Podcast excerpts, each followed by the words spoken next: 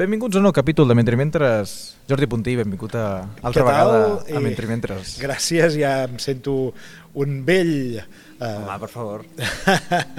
no, no, un, un reconegut eh, seguidor de la casa, gràcies. I nosaltres que et seguim perquè si alguna cosa has fet els últims anys, a part d'escriure articles i a part d'escriure com a periodista, també com a editor, que et vam entrevistar justament per la teva tasca d'editor convidat a Univers. Recordo també que l'Avenç et va republicar també un dels teus textos als castellans. Vull dir que realment eh, Jordi Puntier ha seguit endavant, també amb tota la febre barcelonista i amb els llibres Tot Messi, etc etc.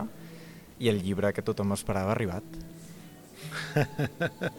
No sé si tothom. Jo, jo crec que m'he fet molt pesat aquests anys. Mm. Eh, he après una cosa, que és que potser no cal parlar... eh, Amb això sóc una mica bocamoll de parlar de les coses que fas, però saps per què deu passar? Perquè hi disfruto. Eh, eh, I, I moltes vegades, i més amb un llibre així com aquest, que és llarg i que té moltes té moltes escenes i moltes històries i, i prové a més d'una parteix en part d'una vida real a vegades explicava coses purament per, per testejar, per provar si allò tenia sentit, si la gent ho escoltava amb atenció, però clar, per fer-ho has d'explicar una mica de què va, no?, en aquest cas. Uh -huh. I sí, i pot ser que per això la gent també estigués esperant, no? i perquè fa molts anys, és veritat. El David Guzmán l'altre dia eh, ho estàvem comentant i em va dir una sentència que no sé si te l'ha dit a tu, que va dir el Premi Sant Jordi no ha recaigut en Jordi Puntí, sinó que Jordi Puntí ha fet un regal o ha fet un premi al Sant Jordi. Bueno, això és que el David és molt amic i fa molts anys que fem coses junts i, i ell ho veu així. Jo crec que és un un win-win que es diu ara mutu. Eh, a mi m'ajudarà molt. De fet, ja em va ajudar saber que... Jo no m'havia presentat mai a cap premi, Mhm. mai. No era una cosa que, que d'entrada m'atreia. Mm, és veritat que hi va haver un moment que el Vicenç Pagès, parlo de fa un parell o tres d'anys, em va dir ah, aquesta novel·la t'has de presentar amb algun premi perquè la, fa tants, tants anys que la portes que segur que estarà bé i no sé què, i t'has de presentar al Sant Jordi i li has de donar una oportunitat, bueno, perquè ell l'havia guanyat a més a més. No? Eh, I sí que vaig pensar, bueno, doncs serà una manera d'acabar el llibre, perquè portava molts anys i estava bé, m'agradava, era un llibre que jo l'hauria pogut continuar escrivint i retocant, i ara hi afegeixo aquest episodi, i ara trec aquest altre, i al final vaig dir, doncs, el, el termini per entregar, eh, per presentar-te el premi serà una mica la, el que em marco doncs, a un any vista. I a l'últim any, podríem dir, els últims 10 mesos van ser realment d'anar agafant més alè per poder arribar a aquest punt final. No? Hi ha dues qüestions inserides en aquesta qüestió que deia el Guzmán també, perquè és la trajectòria també del Sant Jordi i pel que m'han dit els que estaven al jurat van haver-hi dubtes de si realment eres tu o era algú amb molta mala bava que t'havia volgut imitar. que aquesta, aquesta era bona, eh? No hi havia pensat, clar, mira, vés a saber, avui dia fas, li demanes a la intel·ligència artificial que et faci una novel·la sobre el Xavier Cugat i crec potser que, sortiria... No crec que fes una cosa d'aquest tipus. No, no, perquè és, demana un punt més, no? Jo també ho penso que no, eh? Però, segons què, sí que ho hauria pogut fer a la intel·ligència artificial, però al final és una figura pública de la qual hi ha un rastre constant eh, a les xarxes i a internet i a, la, a les hemeroteques, no? Això pel que fa a la, a la qüestió més de, del premi, però després també hi ha la figura del Jordi Cornudella, amb qui vaig estar no fa massa, i també em va estar explicant que també va compartir amb tu un procés Sí, sí, bueno, això... perquè clar, és marca de la casa, Eh, m'imagino. Jordi, jo crec que des del primer llibre ha curat, i ha, i ha mirat, i ha llegit, i ha intervingut en tots els meus llibres. Potser el del Messi no ho recordo, però diré que, que els altres tots, i a més a més sempre d'una manera que per mi és molt és garantia de tranquil·litat i de saber que allà hi ha hagut una persona que ha llegit amb criteri, que t'ha sapigut ajudar a, a fer d'editor, vaja, eh, t'ha sapigut ajudar a, a canviar i a no tenir por de retocar i de treure, més que de posar, de treure, perquè mm -hmm. recordo, per exemple, en Maletes Perdudes va eliminar, em va fer entendre que havia d'eliminar 40 pàgines del llibre. Quan has acabat i tu dones per bo que et vingui algú i et digui un 10% del llibre,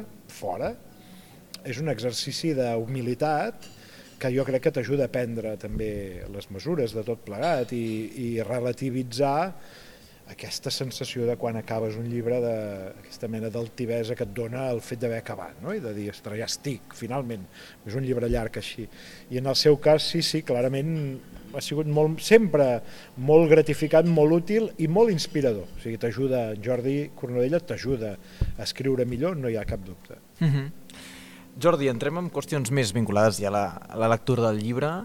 Um, deixa'm que et dispari ja directament. No? Uh, hi ha una qüestió que és el narrador, que és una operació que en entrevistes deies que t'havia generat bueno, la típica crisi no, de si faig parlar en primera persona al Cugat, faig parlar una de les seves dones, sabent també que hi ha la, la biografia encoberta no, també sí. d'aquestes dones, i després recordo això, que en el, el Festival Mot amb l'Albert Fons vau fer una conversa i una persona del públic va aixecar i va dir però vostè no m'ha dit quin sí de narrador acabarà escollint. I el 2016 ja li vas dir no t'ho penso dir.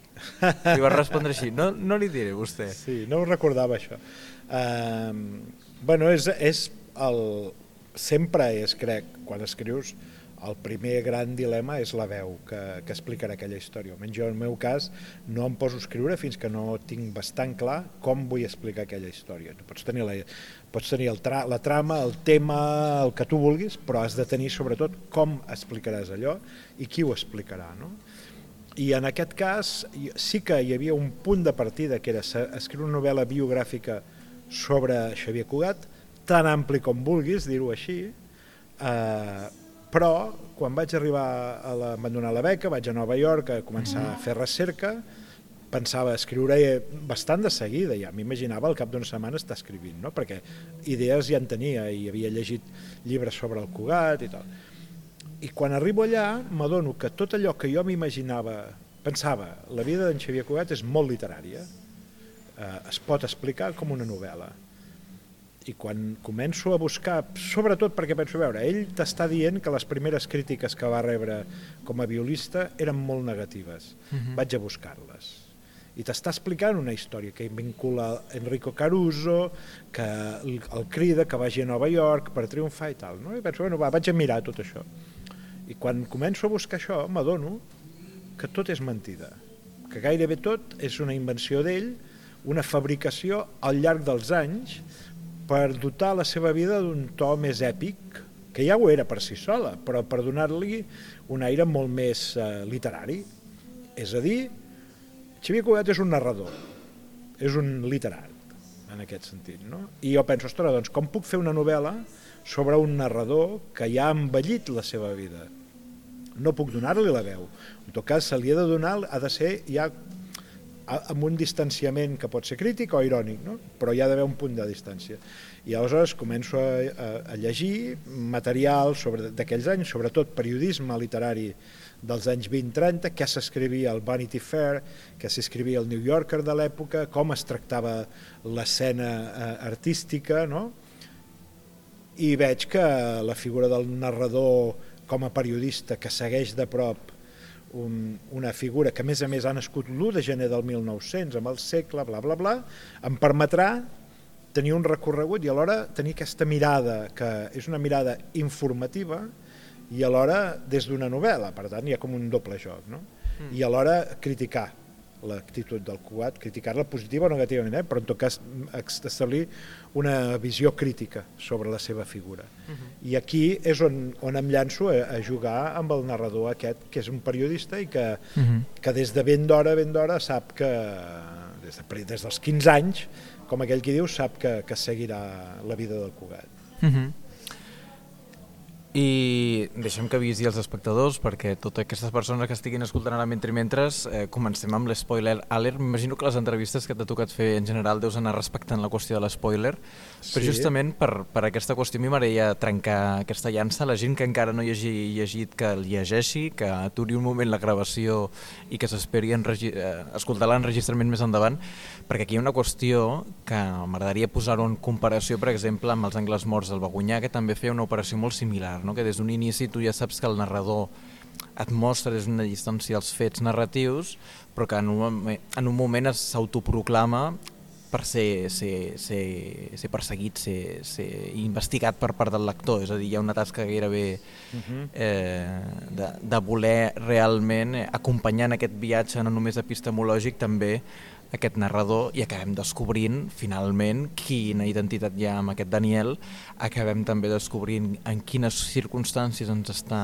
escrivint aquest llibre, amb la figura de la Mary redactant o fent de taquígrafa, vaja, no sé com ho hauríem de dir, amb també l'edat d'aquest narrador, que de fet l'edat del narrador sí que ho sabem des de l'inici, i jo respecte a aquest, eh, aquesta anticipació spoiler, diguem-li com vulguis, sí que et volia preguntar una qüestió, que sembla com que aquesta lògica Dr. Jekyll i Mr. Hyde està en tot el llibre. Hi ha un moment que parles de, de dualitat, de doble, acaba sent un narrador que, més enllà de si és una persona que pugui tenir elements eh, versemblants o que realment hagi existit un periodista que hagi seguit tant Xavier Cugat a mi m'ha donat molt més la sensació que era Jordi Puntí que viatjava en el temps i que acompanyava Jordi, eh, no? el Xavier Cugat. Sí, bueno, el, el, la veu narradora i jo estem molt a prop. Evidentment no sóc jo, tot i que hi ha coses de mi, això és indiscutible, eh, perquè jo he fet, tingut una experiència d'estar de, no 100 anys, no tota una vida, però sí uns quants anys molt a prop d'ell, molt a prop del Xavier Cugat.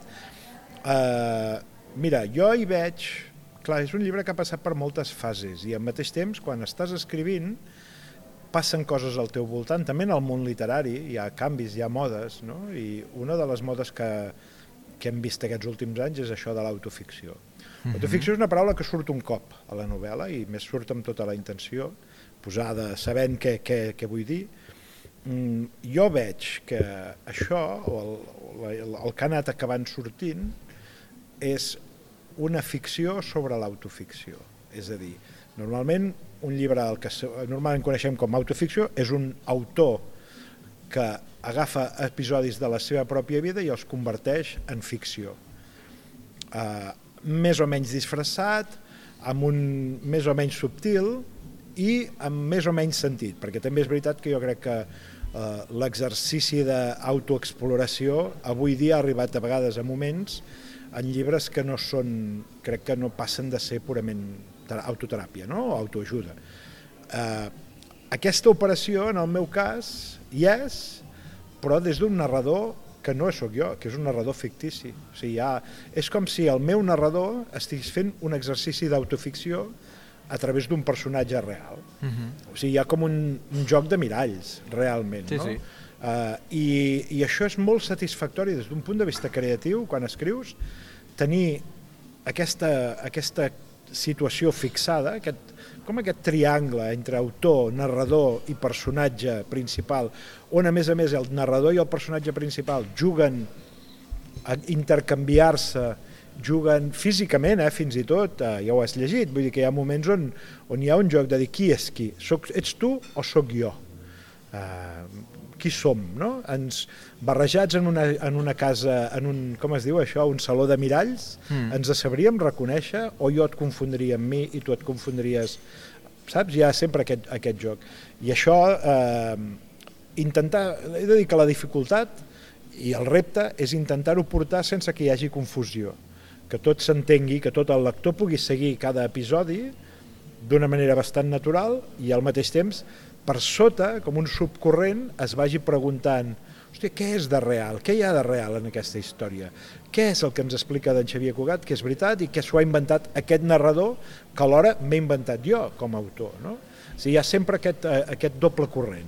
Clar, ha aquesta estratificació que, com deies, eh, et vaig llegir també el periòdico que t'interessava justament, que és dir, com expreso en versemblança quan una vida ha estat protagonitzada per un intrus de la versemblança en aquest sentit, no? Una persona que realment... Sí. No? M'agrada això d'intrus de la versemblança, està molt No, no, perquè realment sí. ell mateix s'ha fabulat la realitat i ell mateix s'ha cregut que no vivia una realitat. Sí. Com això ho portes a un terreny com és el de la novel·la i això, eh, deixa'm que també t'ho pregunti perquè quan el narrador a vegades també es deslliura del lector, a vegades també hi ha molta justificació. Hi ha aquest capítol que el mateix narrador necessita fer-se passar per la veu de les, dones del Xavier Cugat i necessita d'alguna manera anticipar el lector, explicar-li... No sé fins a quin punt també aquest acompanyament forma part d'aquesta domesticació de la mentida que t'està subministrant tota l'estona. Sí, és un joc. Ell ho viu com un joc perillós perquè a vegades el fa desdoblar-se en moments en què no voldria i d'altres, en canvi, li serveix com a escut. Eh? L'episodi on ell pren la, dona la veu a l'Avi Lane, no? diu ara jo em, em disfressaré d'Avi Lane i us explicaré la vida, no deixa de ser un altre gir, no? però és una justificació que li va molt bé per entendre eh, alguna cosa que jo crec que s'explica a l'entrada del llibre, que és aquesta dominació mm, que tenia masculina, que tenia el Cugat respecte a les seves dones, per una raó de poder, d'edat també, i com, bueno, això ja ho he dit en algun altre lloc, que és un, és un personatge que avui dia probablement ens el miraríem La cancel·lació. no? Uh, sí, amb uns ulls de suspensió, que cancel·lació és aquest anglicisme que hem anat introduint tots uh, i que és de suspensió, de dir, no, escolta, aquest home, aquesta persona no se li hauria de, de, de riure les gràcies, no? Però clar, és un moment on tothom riu les gràcies de tothom i on tot això queda molt subjugat i molt amagat, però al mateix temps jo com a, com a autor no volia que quedés només aquesta visió i llavors em sembla que... I el narrador tampoc. Aquí sí que estem a prop, el narrador i jo. I aleshores el narrador decideix que ha de tenir veu. Eh, potser el que no és capaç de dir ell eh, com a personatge ho pot fer dir a la Abby Lane, no? I llavors hi ha com un, un nou moviment de nines russes. Obres una nova nina i allà... Hi ha, no, no la nina cantant, eh? Una nova nina No, no, russa no, no. i allà t'apareix el t'apareix el- la- la- l'Abby Lane que t'explica la seva visió de les coses. Que en realitat ja ho va fer a la vida real, perquè quan, quan el Xavier Cugat es va morir, al cap d'un any va publicar una novel·la, i era una novel·la en clau que es deia Where is Love, i on eh, el protagonista era un, senya, un tal Paco Castell, però en el qual es dibuixava perfectament la figura eh, una mica histriònica i una mica tirànica d'en Xavier Cugat. A ulls del narrador moltes vegades utilitza la, més d'una vegada ex- l'expressió se'm representa. O sigui, com si realment estem en una espècie de joc de titelles o d'obra de teatre o de teatros mundi tota l'estona. Les, les, les aparicions del Cugat re representen coses. Arran d'aquesta idea de representació, no? com si realment tots van apareixent dins d'aquesta espècie de gran somni o gran aparició, um, dèiem que també hi ha una part de, de destrucció, de so- de- d'identificar aquesta tendència de l'autoficció. Arran o, o seguint amb aquest fil que, que desenvolupaves, hi ha tot un seguit d'imatges que són les que el narrador vol fer passar per, per Xavier Cugat, les més evidents, quan ell està a Nova York i a Nova York no saben que és mort i la gent l'atura, d'altres que, que aquesta, no sé fins a quin punt eh, és versemblant o no, que és la, ara em sortirà la, la que aquí l'altre dia la Virreina li van fer una exposició que surt eh, i es troba en aquest cas el, la, espera't, la, la filòsofa que publica Arcàdia. La aquí. Susan Sontag. La Susan Sontag. Sontag sí. sí. Bueno, la Susan Sontag és un episodi real, eh? O Va, veus? Sí, Susan Sontag, eh, bueno, jo, jo li, li he volgut posar perquè em sembla un molt bon exemple també de la de l'abast de la figura del Xavier Cugat en la cultura popular americana, no? La Susan Sontag, i també del que va passar aquí just després del, bueno, en la instauració de la democràcia i en l'actualització de la cultura popular espanyola, no? O sigui, quan ja no està sota el franquisme, que és que en un programa com l'Àngel Casas Show Sí. de TV3, a la mateixa nit, hi poden convidar la Susan Sontag, que està tornant de Sarajevo, on ha, on ha eh, fet un, o sigui, on ha posat en escena un Beckett eh, sota les bombes no? de, durant la Guerra dels Balcans i aquella mateixa nit hi poden posar el Xavier Cugat a parlar de les seves dones i seves sogres i, i tot aquest món frívol. No? Mhm. I, I curiosament la Susan Sontag en algun lloc anys després explica que quan va anar a Barcelona a la tele al backstage es va trobar en Xavier Cugat i ell es pensava que era mort. I va, però vostè encara està viu. I diu, sí, clar, sóc aquí. I diu, va, doncs molt bé, i llavors a mi això em semblava curiós i divertit no? I, i vaig pensar, doncs és una molt, molt bona manera d'explicar a través del narrador també aquesta mena de salts d'alta cultura a cultura popular, que és una cosa que més el Cugat feia bastant, amb bastanta facilitat, que podia passar de tocar-te una amb el violí Beethoven i, i després tocar una, un fragment d'una sarsuela o tocar-te una cançó que en aquells moments estava de moda del Cole Porter, no? Uh -huh. I era, hi havia aquesta, aquesta capacitat d'anar... De, perquè, entre altres coses, ell es posava al centre de tot. Lo important no era Beethoven, Cole Porter, l'important era, per ell, era ell, no? Sí, sí, estem parlant amb en Jordi Puntí, que ha publicat aquest confeti, que justament també t'ha servit molt a explicar, perquè no n'hi apareix tampoc massa de confeti en la novel·la, però que et donava aquest punt no, d'imatge del que és l'ascens social, que és també no, la, mm. la poca estabilitat que té l'ascens, o en aquest cas la fama, i no sé fins a quin punt també, tota aquesta qüestió que també dèiem, no, autoficcional, no ficcional, eh, sobretot hi ha una qüestió de triomf, triomf validat o no validat que també t'interessava sovint. Sí, el, el confeti és, per mi és una bona metàfora del que hi ha al darrere, no? que és aquesta cosa de allà on hi ha confeti en el moment del present és alegria, és festa, és felicitat, però a l'endemà et lleves al matí i es ressaca, és confeti al, al coixí, a les butxaques, eh, entre la roba, i recordes vagament què havia passat no? i mm l'has d'escombrar. A més a més, el confeti és molt incòmode. Jo en tinc, em porto ara les butxaques plenes, si te'n deixo anar aquí demà al matí diràs per què em va posar confeti a les butxaques, per què em va tirar confeti per sobre, no? Perquè sembla una tonteria, és inofensiu, però l'endemà és cendra, ja, mm. ja està, és les cendres, les escorrialles de la festa del dia abans. No?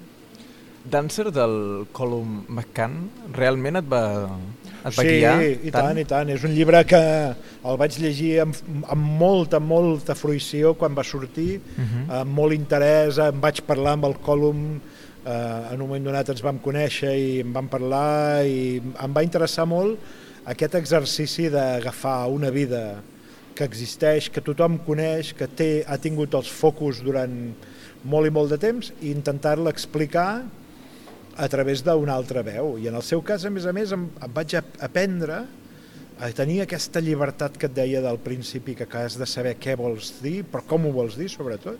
I amb ell vaig aprendre doncs, que pots mirar-te una vida real eh, des de la ficció i la pots fer fabular en benefici teu i de, la, i de, i de la personatge, no? en benefici en el sentit de poder explicar coses que potser no van passar exactament, però que podrien haver passat d'aquella manera i et permetran donar, com que estàs en el territori de la novel·la, et permetran donar una imatge molt més versemblant del que hauries de fer, potser fins i tot fent una biografia, que aquesta és l'altra l'altra cambra secreta d'aquesta novel·la és el, la, el qüestionament de l'element verídic de les biografies. No? Quan s'intenta fer una biografia, molt sovint pensem clar, això és el que va passar, però com més reculat en el temps, més difícil és, no? I, i menys informació hi ha. I tu penses ara, per exemple, en, una, en un llibre com el Maria Antonieta d'Esbaic, no? que ara mateix té tan èxit, i la gent està llegint una biografia i alhora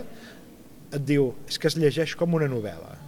I això és el, crec que és un, una de les claus per entendre també la manera d'aproximar-me a la vida del Cugat. Dius, vale, és un llibre que comença, podríem dir que comença com un intent biogràfic, però que acaba sent una antibiografia, acaba sent un joc amb, amb què és veritat i què no, què expliquem i què no expliquem, què veuen els altres de la nostra vida. Tu imagina't que, que tu desapareixes i algú que t'ha conegut ha de fer ha de contribuir a la teva biografia. Què n'acabarà sortint d'allò? És imprevisible.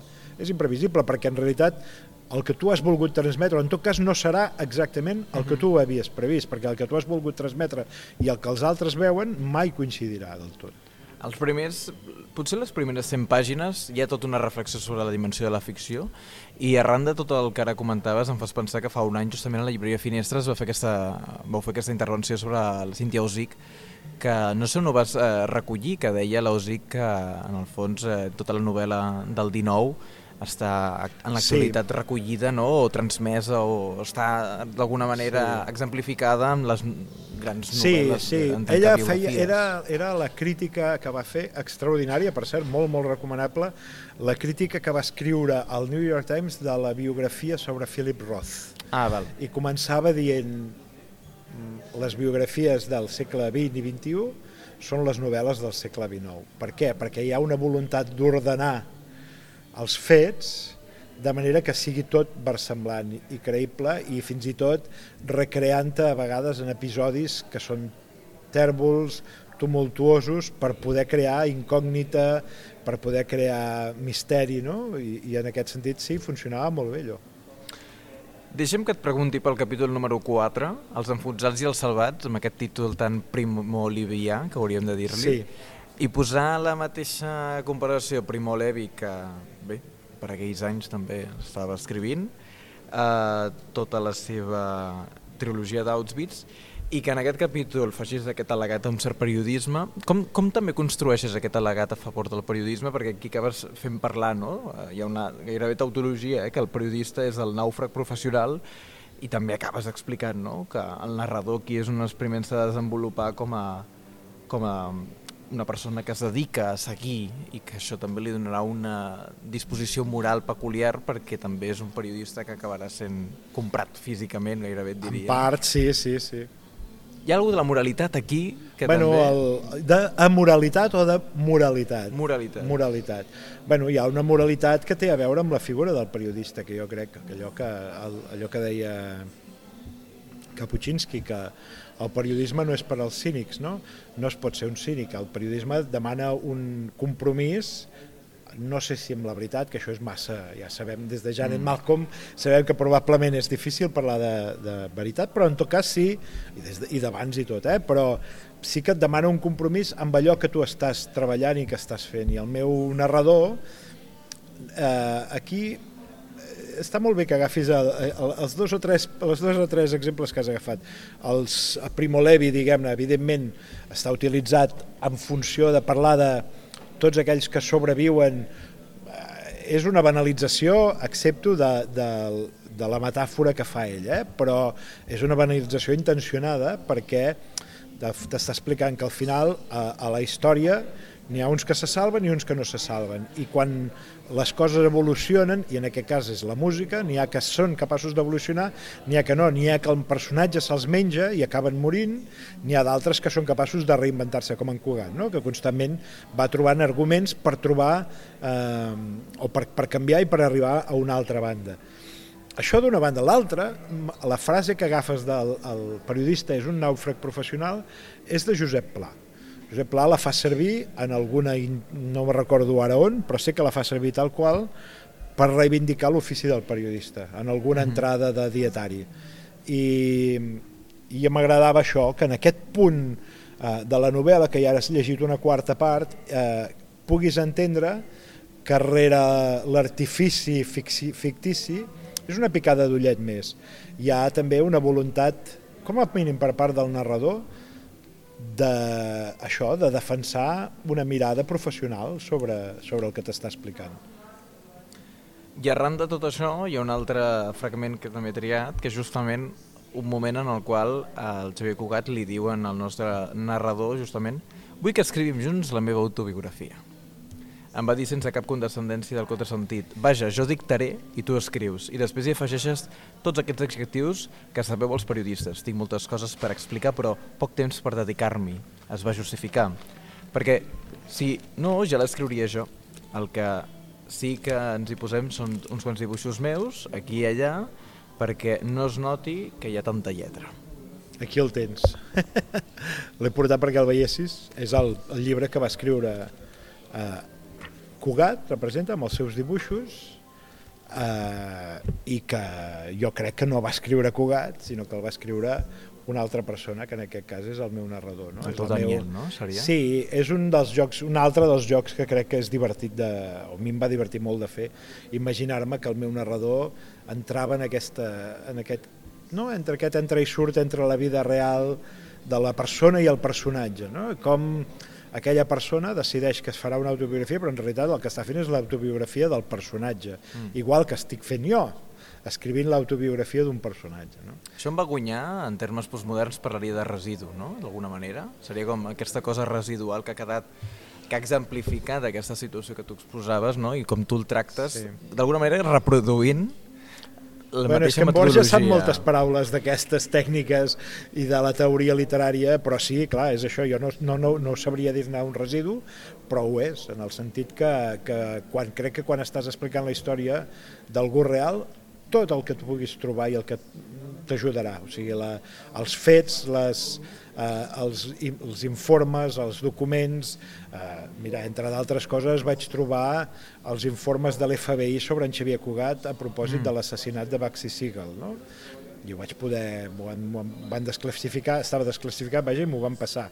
Tot això són residus que t'ajuden, que jo els veig com trampolins per la memòria, eh? per la imaginació, perdó. Uh -huh, És a dir, a partir d'allà pots començar a imaginar més fàcilment, perquè tens una base de versemblança que és allò que ha passat de debò, no? que t'ha informat, eh, que hi ha hagut, són documents, i, i fins i tot quan són documents utilitzats amb voluntat de veracitat, tot i que saps que el va escriure algú altre o intueixes que el va escriure algú altre i que per tant aquí ja hi ha una modelació mm, de la, dels fets, que el, un envelliment, perquè a més el Cugat tenia això, que li agradava fer tot molt més maco del que era, doncs fins i tot així s'acaba convertint en un, un element per poder fabular, no? Mhm. que és inventar-se un narrador. Estem parlant, com deia, d'aquest confeti i si alguna cosa podem dir-ne d'aquesta lectura generacional eh, que abans comentàvem, és que realment la novel·la dispara amb tota la informació possible, té continguda tota aquesta dimensió no? ficcional, mm, no sé fins a quin punt també que dialoga tota l'estona, no? gairebé com una meta eh, reflexió tota l'estona, tota la informació que t'està donant sobre quina funcionalitat pot tenir o no tot el que t'estic dient, i tota l'estona t'obliga a posar en quarantena tot el, el que el mateix narrador t'està donant, i mira que és informació. Sí. I en, en, en moments també molt concrets, no? no? No sé fins a quin punt això també venia molt donat, que gairebé les primeres 100, 100 i pico pàgines fossin tanta informació, des d'un punt de vista potser més dens. Sí, no, no, eh, aquí m'he hagut de frenar, eh, perquè la temptació era, clar, també hi ha una part descoberta per part meva, uh -huh. sobretot de tota l'escena musical dels anys 20 i 30 a, a Nova York, a Broadway, a Harlem, i, i la fascinació que això em provocava, veure com mentre el Cugat en l'hotel tocava amb una orquestra per classe, gent de la classe alt, mitjana alta, eh, als marges d'aquella societat doncs, hi havia tot un món en ebullició creixent que en realitat acabaria definint la música del segle XX igual o més que la que definia que, que l'acabaria definint en la música que feien Cugat i que feien les orquestres no? en aquell moment aquest, aquest, aquest eh, regust popular buscat a qualsevol preu que en canvi els altres els interessava i els importava menys però resulta que ha acabat sent eh, la llavor de tota la música popular de, que, hem, que, hem llegit, que hem escoltat després. No? Per tant, sí, hi ha un, un intent de, de jugar sempre entre què és, què és veritat i què no, i que el... m'agrada també això, sembrar l'ombra del dubte, que el, que el lector mm, pugui, si vol, eh, pensar, ostres, això no és veritat, vaig a mirar, vaig a buscar si aquesta pel·lícula existeix i entres a YouTube, o vaig a buscar com és aquesta cançó, perquè quan jo faig, quan el narrador fa un elogi de Bruca Manigua cantada per Miguelito Valdés amb l'orquestra de Xavier Cugat, jo puc posar-hi molt d'empenya, molta, moltes ganes, molt adjectiu, però escoltar-ho és una altra cosa, no? Mm -hmm. I llavors m'agrada molt la idea de que, que el lector pugui d'alguna manera tancar el llibre, anar, mirar fotos, imaginar-se com eren, veure com eren les dones, veure com era, però que mai podrà serà veure com era el narrador, perquè el narrador només té veu, només té paraula, no té imatge no? eh, física, i això és un, un contrast que, que per mi era molt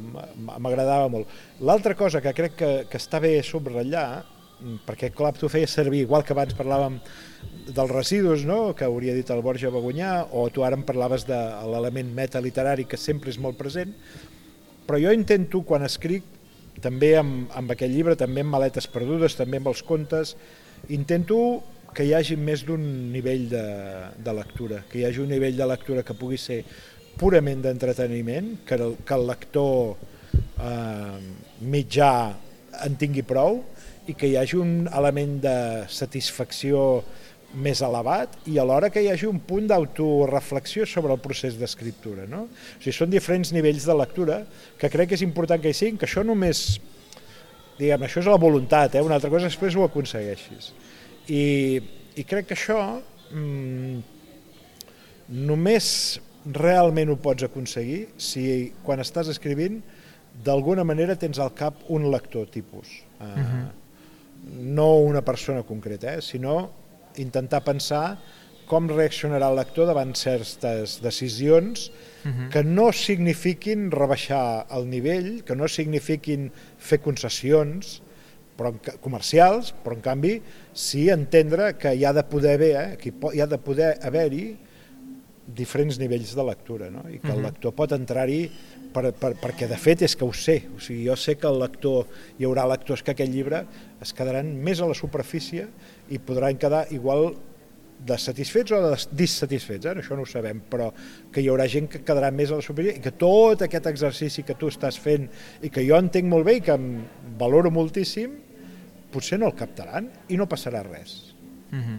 Uh -huh. Escolta'm, anem a concloent l'entrevista i deixem que parlem de la qüestió més política del llibre, perquè potser una inèrcia inicial també quan anava llegint em portava, també saltant a pla, aquesta fórmula del retrat de passaport que feia ell quan, per exemple, ve, va veure la Xirgu i la Xirgu li diu no, és que jo he fotut el camp aquí i aquí he creat la Comèdia Nacional i jo el que agafo és Pitarra i me l'enduc aquí i els explico qui és Pitarra, el que sigui i des d'un altre punt de vista que haguessis pogut també fer això, no? Ensenyar que el Xavier Cugat se'n van allà a cantar-los la moreneta als americans i descobrir no sé què exactament i a salvar una mica la visió que tenen els altres de Catalunya i que de fet també s'ha fet molt els últims anys aquí i les, les poques mostres documentals o televisives justament de Xavier Cugat era això, eh? el català universal.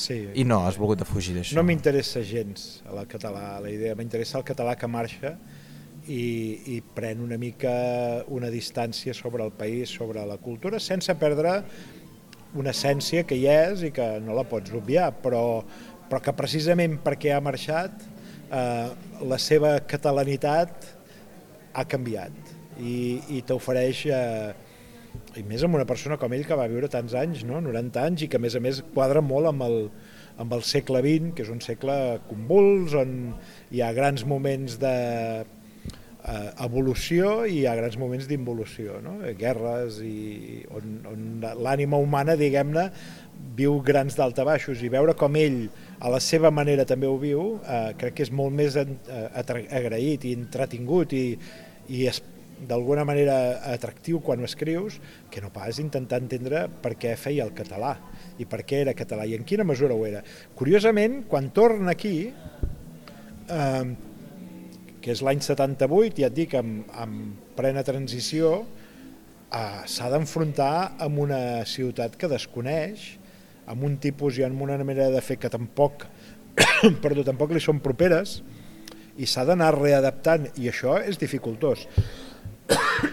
perdó, és dificultós perquè ell té uns estereotips fixats pel franquisme a favor i en contra, diguem-ne, i els ha de combatre.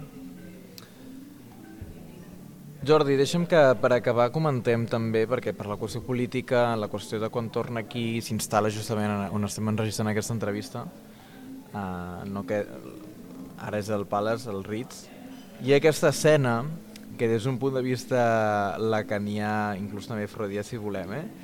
eh, afecta tant, perquè jo, jo m'he trobat en una situació molt similar i jo vaig estar a casa d'uns amics eh, i un amic em va dir, bueno, us podeu quedar a dormir però en el llit del pare o dels pares no. I justament és exactament la mateixa imatge que construeix al final de la novel·la perquè no vol dormir-hi. O sigui, no pot dormir-hi sí. el narrador. És, és una por... És curiós perquè ho ha estat desitjant sí durant mesos i mesos, no? esperant un cop s'ha mort Xavier Cugat, està desitjant poder ocupar l'habitació de Xavier Cugat, un, un pas més en aquest procés d'identificació. No? I llavors quan arriba el moment no és capaç, no? Bueno, no, hi ha una por Curiós, eh? A mi em fa pensar en la meva àvia. La meva àvia, quan es va morir el meu avi, va deixar de dormir al llit matrimonial i se'n va anar a dormir en un altre llit de la casa i, i això ho entenia, jo entenia, hi havia una... Sí, no sé exactament què és, és, el, és un respecte i una invasió potser d'allò que ja no hi és, no? I, sí, i ell decideix que no. Hauria sigut ideal, eh? que s'hi fotés a dormir i llavors ja la transformació és perfecta, però no, la vida a vegades et porta per llocs on no esperes. Sí, sí, sí, sí. I et dic que la novel·la clou amb aquesta imatge. De fet, el que sí que podem potser llegir és l'última frase, que justament fa, fa aquesta cosa més evident, que com et dic, eh, uh, re, reifica el mite Mr. Jekyll, no? Mr. Hyde. Dr. Jekyll i Mr. Exacte, Hyde. Sí. Bueno, però també ho diu al començament, si te'n recordes, en el, al començament, quan fa tota la numeració de, de per què la ficció mm. forma part de les nostres vides d'una manera molt natural, parla d'aquestes persones que tenen un Mr. Hyde sí. que conviu perfectament amb el seu Dr. Jekyll, no? sí, sí. que jo crec que és més comú del que ens pensem, eh? Sí, sí, sí, sí, sí, sí, aquesta dualitat, sí, sí, sí, sí. L'endemà de bon matí, un dia més bé i em vaig despertar i tornava a ser jo, però ja era un altre. Molt bé. No sé si ara Jordi Puntí és no, un altre. Em sembla que no m'ho havien fet mai, eh, d'una entrevista on acaben llegint l'última frase, de... frase del llibre. Potser hauríem de llegir la primera. Ah, bé, com vulguis. Ja te la llegeixo jo perquè és molt curta. Són, són tres paraules. No vol plorar. Ja sí, està. sí. Sí, sí. Jordi, moltíssimes gràcies. Gràcies a tu, Bernat, com sempre. A Mentre Mentres, com sempre, ben atents. Ja no sé amb què ens eh, sorprendràs properament. M'imagino que deus estar escrivint, com sempre. Però sí, no sé si però ara coses... no vull, no, avui no, no, ara és massa d'hora per massa parlar. Encara no ha ni sortit, tot just està sortint i, i tot necessita temps i sí, ja anirem fent. No obstant, maletes perdudes, però sí que es reimprimeix i es reedita amb una portada canviada i tot plegat, o sigui, també s'aprofita sí, sí. l'efemèride. Sí, perquè, el, mira, clar, fa 14 anys de maletes perdudes, s'havia anat reeditant, algun, van fer una edició de butxaca, però eh, es va com exaurir i aleshores els ha semblat que era un bon moment per tornar-la a treure, perquè clar, 14 anys són molts anys, i si no sí, és allò, sí. digues, és que va sortir, és l'últim llibre, l'última novel·la que vas treure, sí, però fa 14 anys, i per tant hi pot haver gent que entri a confeti i millor després tingui la curiositat per anar a maletes. Per jo he de dir que mons pares no són lectors, però a casa hi havia dos exemplars, i encara hi són, de maletes perdudes. Home, i com és, dos? Bueno, un i altre, no? No ho puc entendre.